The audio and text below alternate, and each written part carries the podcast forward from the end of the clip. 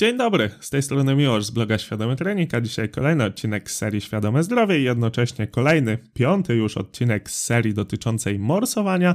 I dzisiaj odpowiemy sobie na pytanie, ile kalorii spala morsowanie. I od razu z góry mówię, że wartość, która mi wyszła jest bardzo, bardzo duża i podchodziłbym do niej z dużą dozą ostrożności. Niemniej powiem Ci dzisiaj, jak ja wyliczyłem właśnie tę ilość kalorii, która przepływa przez nasze ciało, którą uwalniamy w postaci ciepła do zimnej wody, ponieważ dokładnej wartości nie znalazłem. W sensie nikt nie zbadał, ile rzeczywiście tych kalorii nam ucieka podczas morsowania, być może ktoś zbadał, a ja po prostu się nie dokopałem.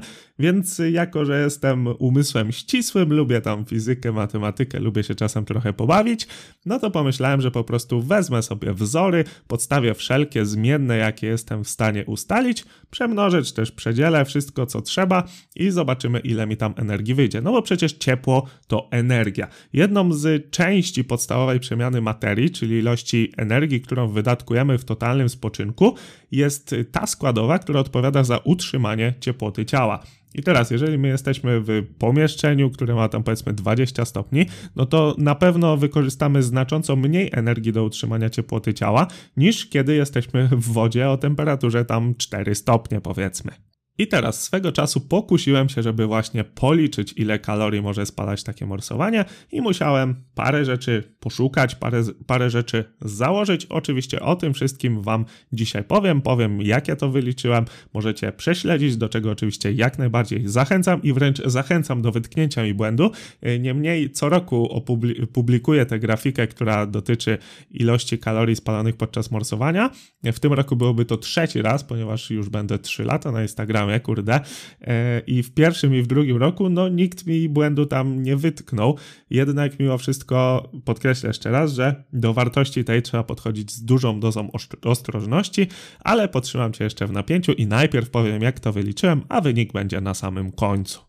Dobra, zacznijmy od teorii. Od czego będzie zależeć to, ile ciepła będzie nam uciekać, lub po prostu jaki jest wzór na przewodność ciepłą e, danego materiału, czyli od czego zależy właśnie, jakie, jak będzie przechodzić ciepło. I tutaj takie, myślę, banalne, ale pamiętam, że na zajęciach z fizyki mm, wykładowca też mocno to podkreślił. Coś, co jest banalne, ale warte powiedzenia, że w termodynamice zawsze energia ucieka od ciepła, ciała cieplejszego do ciała zimniejszego.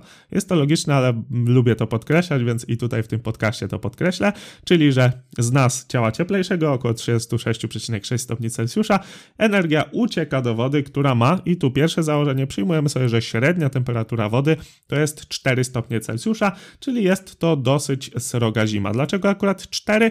Nie wiem, czy wiecie, ale 4 stopnie Celsjusza to jest właśnie temperatura, w której woda ma największą gęstość, dlatego przy odpowiednio głębokim zbiorniku na dnie zawsze będzie 4 stopnie, bo ta woda będzie najcięższa, więc ona spływa na sam dół i teraz przy powierzchni równie dobrze może być więcej, jak i mniej, więc przyjąłem sobie po prostu średnią, czyli 4 stopnie. Oczywiście ta woda tuż przy powierzchni może być trochę zimniejsza, na przykład jeżeli kąpiemy się w obecności lodu, musieliśmy sobie na przykład wyciąć jakiś przerębel, żeby tam wejść, ale średnią sobie przyjęliśmy 4 stopnie Celsjusza, temperatura ciała przyjęta 36, czyli różnica będzie tu od razu z góry mówię 32 stopnie.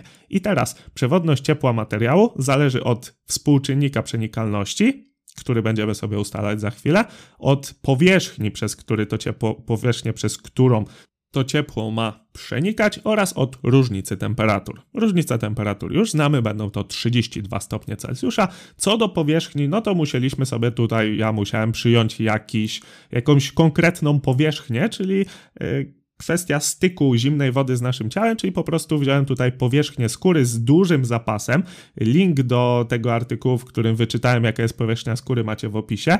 Mm, I tam jest napisane, że skóra to około 2 metry kwadratowe, więc biorąc pod uwagę, że po pierwsze nie zanurzamy się cali, no bo chociażby głowa jest tutaj na powierzchni przez większość czasu, jeżeli ktoś nie zanurza. E, no i też nie wszyscy zanurzają w ogóle całość ciała. Wiadomo, może mogą być ręce na górze. Tak czy inaczej, przyjąłem po prostu połowę tego, czyli 1 metr kwadratowy. Mamy zatem już różnicę temperatur i powierzchnię, przez, który, przez którą się to wszystko będzie odbywać. No i teraz pozostała kwestia wartości przenikalności cieplnej materiału, czyli w tym przypadku naszej skóry. I teraz tu był największy problem. Znalazłem pewne badanie, oczywiście link macie w opisie, z tym, że ono porównywało przenikalność cieplną skóry w y, wysokich temperaturach, czyli to było 30 stopni i 26 to chyba była najniższa. I teraz, no niestety musiałem to ekstrapolować do 4 stopni, co zapewne jest obarczone mniejszym lub większym błędem. Je, jednak, jeżeli swoją drogą jednostka przenikalności, to jest oczywiście odwrotność tego wszystkiego, co będziemy sobie mnożyć, czyli joule przez Kelvin razy sekundę razy metr kwadrat.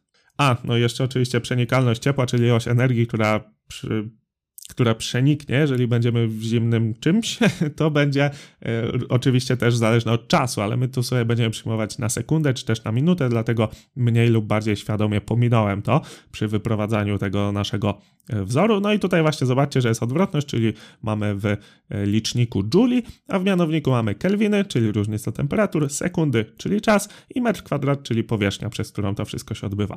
I teraz taki współczynnik dla temperatury 30 stopni to wyszło tam w badaniach 135, dla 26 stopni 147, no i ja to ekstrapolowałem do 4 stopni Celsjusza, co mówię tutaj prawdopodobnie jest największe pole, żeby był popełniony błąd, żeby to mocno się różniło od rzeczywistości, no ale ekstrapolując tutaj liniowo, wyszło mi, że ten współczynnik dla 4 stopni będzie wynosił 213 Joule przez Kelvin sekunda razy metr kwadrat.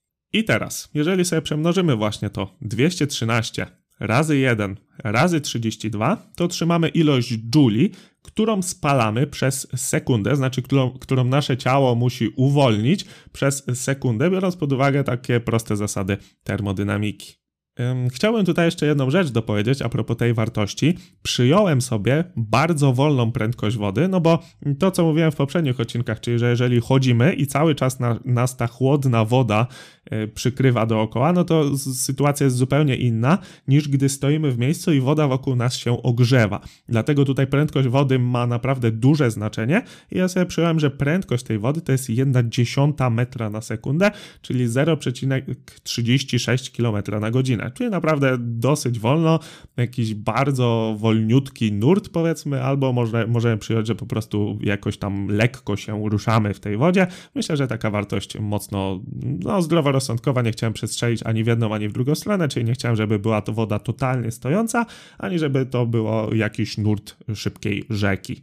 I tutaj gwoli ścisłości doprecyzuję, że właśnie ten parametr prędkości wody się zawiera w tym współczynniku przenikalności cieplnej dla skóry. Dobra, a teraz wracając do wyliczeń, jeżeli pomnożyliśmy sobie właśnie 213 przez 1 i przez 32, to otrzymujemy wartość, ale przypominam, że w dżulach, bo tutaj dżule są jednostką energii główną w fizyce i również przy okazji tego współczynnika jest podane to w dżulach, więc musimy to sobie podzielić przez 4184, a to po pierwsze dlatego, że jedna kaloria to 4,184 joula, ale my chcemy kilokalorie, więc jeszcze musimy to podzielić przez dodatkowy 1000, więc to co nam wyjdzie po przemnożeniu 113 przez 1 i 32 dzielimy przez 4184 i uwaga, wynik to 1,6 w przybliżeniu oczywiście kilokalorii na sekundę tak, nie przesłyszeliście się, oznacza to, że w minutę spalamy prawie 100 kalorii przy podanych założeniach i przyjmując poprawność moich obliczeń. Więc widzicie, że naprawdę dużo. Jednak tutaj, zanim będziemy entuzjastycznie na to patrzeć, to chciałbym mocno podkreślić, że po pierwsze jest to przy ruchomej wodzie, czyli nie możemy stać w miejscu w tym zbiorniku, to raz.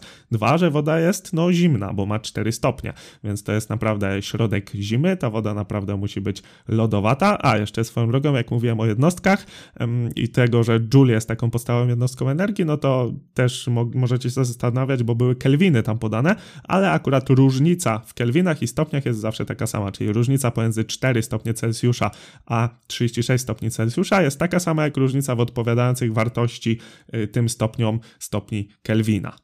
Widzicie zatem, że ta wartość jest no naprawdę niepokojąco wręcz duża, no bo skoro każda minuta może być w przybliżeniu 100 e, kaloriami, no to jeżeli postoimy 10 minut, to mamy 1000 kalorii.